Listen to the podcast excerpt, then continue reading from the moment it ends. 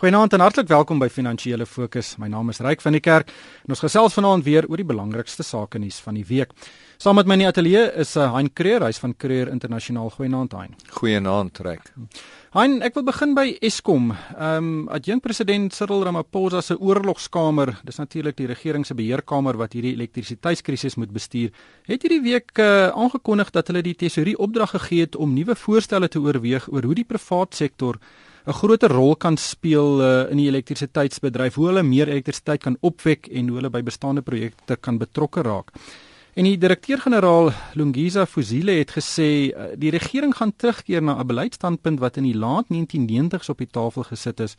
En dit is dat die private sektor tot 'n belang van 30% in staatsbates kan koop. Nou ek het nie geweet van daai beleid nie. Ehm um, dit kan 'n baie baie groot verandering teweegbring en meebring dat Eskom van sy kragsentrale of 'n belang in hulle kragsentrale begin verkoop.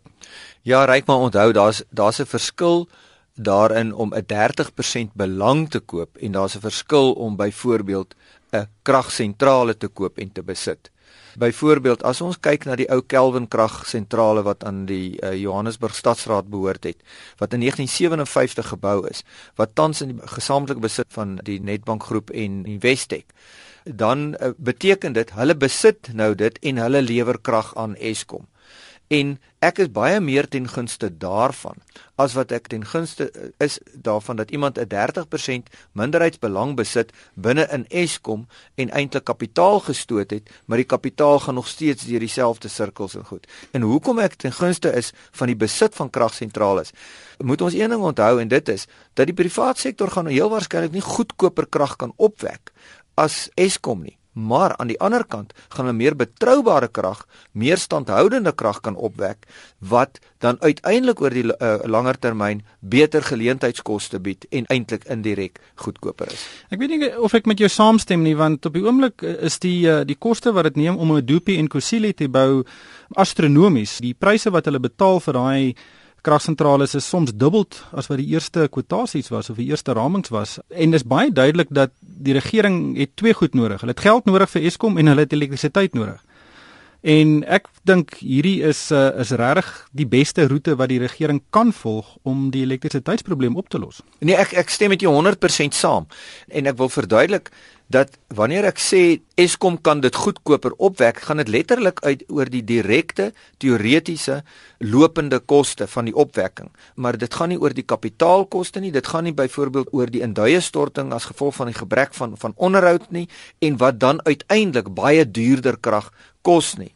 En dit is daardie beginsel want want ek dink daar word die hele tyd vasgeklou aan die storie van die privaat sektor gaan op winsbejag wees en is op winsbejag uit die aard van die saak en bou 'n winsmarge in en sonder die winsmarge beteken dit teoreties dat Eskom dit goedkoper kan doen. Maar dit werk in die praktyk nie so nie. In die praktyk kos dit uiteindelik baie duurder en daarom is ek eerder ten gunste van kragsentrale in die hande direk in die hande van die privaat sektor as wat ek is dat die privaat sektor nou net 'n 30% belang in Eskom bekom deur middel van aandelekapitaal. Wel, dit ek dink die die die groot fokus gaan wees op hernubare projekte, projekte wat jy baie vinniger aan die aan die gang kan kry as wat jy byvoorbeeld 'n kragsentrale bou. Maar hy Brian Molefe is nou presies 'n maand in die warm stoel. Ek weet nie of mense al kan pyl trek oor wat hy bereik het in 'n maand nie. Uh, het jy enige indrukke daaroor? Wel, wel, kom ek sê vir jou so, ek's baie ek is baie geïmponeer deur sy hantering van Transnet, maar Eskom is nie Transnet nie en ek dink trouens Eskom is 'n baie dieper in die moeilikheid as wat Transnet ooit was uh, toe Brian Molefe daar oorgeneem het. Maar aan my eie bas moet ek jou sê sedert hy oorgeneem het, het ek baie minder beurtkrag ervaar by my eiendomme in Gordons Bay en ook in Johannesburg. So ek voel eintlik heel gemaklik oor waar ek op die oomblik sit saam met Brian Molefe. Wel ek kan nie meer saamstem nie as uh, as 'n beurtkrag is word Melville se krag sommer heel eerste afgesit. maar uh, kom ons gesels 'n bietjie oor 'n ander groot storie van die week en dit is uh, die regering het 'n strategiese omgewingsstudie aangekondig vir die ontginning lang van skaliegas in die Karoo. Ehm um, en dit was 'n groot aankondiging en is eintlik baie goed ontvang.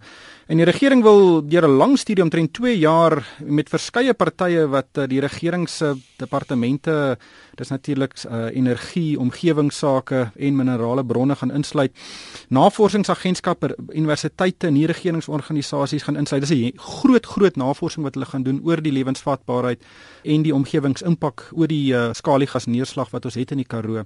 Dit is algemeen verwelkom en ek dink dit moet so gou as moontlik begin omdat uh, dit is 'n baie groot positiewe neerslag vir Suid-Afrika. Dit kan ons hele ekonomie ingrypend verander en meer belangrik, dit kan in 'n kort tyd die ekonomie ingrypend verander.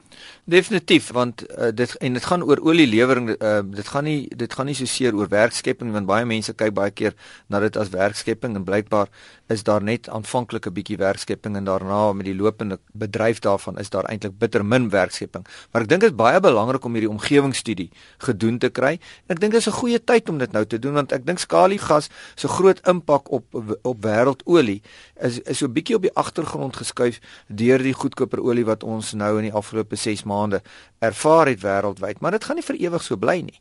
En jy weet eh, wanneer die vraag weer begin toeneem as gevolg van beter ekonomie wêreldwyd wat onvermydelik daar is want dit is 'n siklus dan gaan die vraag definitief weer groter begin raak na skalie en ek vind dit baie keer dat mense korttermyn besluite neem op langtermyn goed wat gebeur. Nou skielik skryf baie mense skalie af en sê o nee, ons moet nou weer ophou daarmee en dis nou juist die tyd om die huiswerk te gaan doen sodat dinge kan uh, van die grond af kom. Ek ken 'n paar boere in die Karoo wat baie positief en opgewonde is hieroor. Ja. Kyk, een van die van die uh, kritieke punte hier is die mate van besoedeling. Uh, met enige ontwikkeling is daar besoedeling, maar mens moet pyl trek tussen die bestaande besoedeling wat mens het in die noordelike provinsies wat spruit uit die steenkool ehm um, sentrales wat ons daar het en en wat in die Karoo gaan gebeur. En ek nooi almal uit altyd as hulle wil sien wat die omvang van daai besoedeling is gaan weet gaan nou 'n lang naweek daar in Sekunda of in Witbank en dan sien jy die impak wat daai besoedeling reeds het.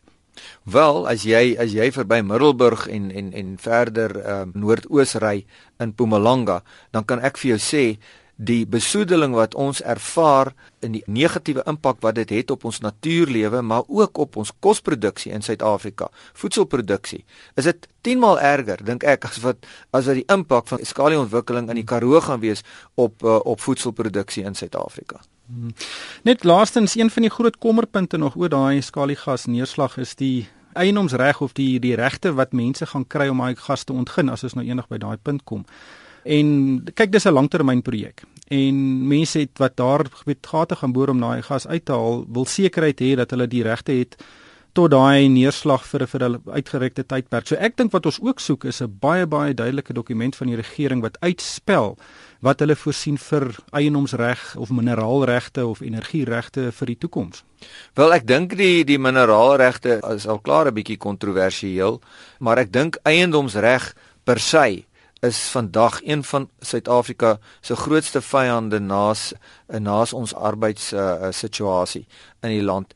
Dit raak aan alles, dit raak aan voedselproduksie, dit raak letterlik aan residensiële eiendomsreg, dit raak aan uh, aan mynbou. Daar is niks wat da daaraan kan ontsnap nie. En ek en, en trouens ek sê weer, saam met die uh, bedreiging wat ons eintlik ervaar in terme van die duurste ongeskoolde arbeid in die wêreld in Suid-Afrika wat baie onbetroubaar is en 'n baie swak werksetiek het baie swak opgelei is deesdae uh, as gevolg van ons skoolstelsel gesamentlik met die bedreiging wat buitelandse investeerders ervaar uh, met met eienoomsreg moet ek jou sê is dit genoeg om ons totale ekonomie te kelder? Ek dink jy kan byvoeg ook dat ek dink die grootste risiko veral vir die skaliegasontginning is nie besoedeling nie, dit is uh die korrupsie wat in teorie kan plaasvind uh, wat saam met dit. Um en uh, die swak polisieering van wetgewing om dit juis nie te laat besoedel nie. Weet korrupsie is 'n realiteit waarmee ons moet saamleef en en en hopelik kan ons hierdie uh, hele projek bestuur soos wat die Gautrain byvoorbeeld bestuur is waar daar baie min korrupsie was en geen skadu wolk oor hang nie. Maar ek dink die implementering en die en die en die korrupsie gaan die groot sleutels wees vir 'n suksesvolle skaliegasprojek in die Karoo. Maar ek wil ook gesels oor oor Comair. Comair en SAL was hierdie week in die hof en Comair voer aan dat uh, die regering se jongste 5 miljard rand waarborg nie aan mededingingswetgewing voldoen nie en hulle sê al wat dit doen is dit gebruik belastingbetalers geld om 'n ondoeltreffende maatskappy aan die gang te hou. Wel ek dink kom eer um, en en die belastingbetaler in Suid-Afrika voel presies dieselfde. Ek dink trouens die persepsie by die belastingbetaler en kom eer is dieselfde daaroor. Nou sien ek dat die groot finansiële instellings wat Absa onder meer insluit Citibank en in die uh, staan nou aan die kant van SAL in die in die hof uh, wat dit betref, maar ek dink daar's 'n bietjie van 'n van 'n belangekonflik daar wanneer dit kom by hulle maak geld uit die uit die hele ding uit want die waarborg word aan hulle gegee en hulle maak fooie uit die geld wat hulle voorskiet aan aan SAL. Kyk, Kwame is eintlik ironies dat Kwame in die hof staan want hy ek dink vir die laaste 60 jaar maak hy omtrent elke jaar wins. Ek dink al was een of twee jare wat hy nie 'n wins kon maak nie, maar oor die afgelope 20 jaar ten minste het ons uh, verskeie lugdienste gesien wat wat uh, geduik het. Um One Time, Nationwide, Sun Air, ek dink daar's nog 'n hele klomp ander ook wat net nie kan meeding nie. Um as SAL byvoorbeeld weet in die lug gehou word deur die regering beteken dit die die pryse daar's nie 'n vraag en aanbod op pryse nie en, en dit is regtig 'n weet 'n remskoem op die die vrye mark binne in die lug uh, lugweë van Suid-Afrika. Maar die feit dat kom eer geld maak, dink ek moet 'n mens na twee goed kyk. Die eerste ding is uit die aard van die saak, jou en my geloof dat vrye mark is net natuurlik 'n baie beter manier as sosialistiese benadering en Israel is sosialisties en Comair is is vrye mark en dis baie meer effektief. Dis die eerste ding. Die tweede ding is natuurlik dat Comair maak waarskynlik baie meer geld uit sy vrag as wat hy uit passasiers uitmaak en as jy nie daai behoorlike balans in jou in jou lugdiens kan hê van vrag teenoor passasiers nie, dan sal jy dit nie kan doen nie. En hulle bestuur dit op 'n korrekte wyse. En weer eens, is dit as gevolg van die feit dat hulle baie meer effektief is en dus baie meer mededingend kan optree. Ek het 'n mediaberig gesien wat gesê het dat die regering die afgelope uh, 15 jaar omtrent 30 miljard rand aan die SAL gegee het. Dis 'n groot klomp geld en as ek nou reg onthou, dis omtrent wat die, die hele geldtrein projek gekos het. Wel, ryk kom ek en jy wat nou baie vlieg, gaan vat nou net dit en dan voeg ons dit nog by die koste van ons vliegkaartjies as ons SAL vlieg. En al vlieg ons nie SAL nie, al vlieg ons met sê nou maar met uh, een van die Comair vliegtye, dan uh, betaal ons eintlik nog aan SAL geld. En dan wil ek nie eers oor Aksa praat nie. Ja. As jy dit nog byvoeg nie en die koste wat dit deesdae is, uh, vat van jou vliegkaartjie. Kom ons kyk 'n bietjie na die mark. Ehm um, daar was twee aankondigings hierdie week wat ek net by wil stil staan. Die eerste een is South32. Dis natuurlik die die besigheid wat uh, eh, BHP Billiton nou skep en van sy marginale bates nou in gaan ontknoop en die maatskappy noteer môre op die JSE asook in Australië en in Londen.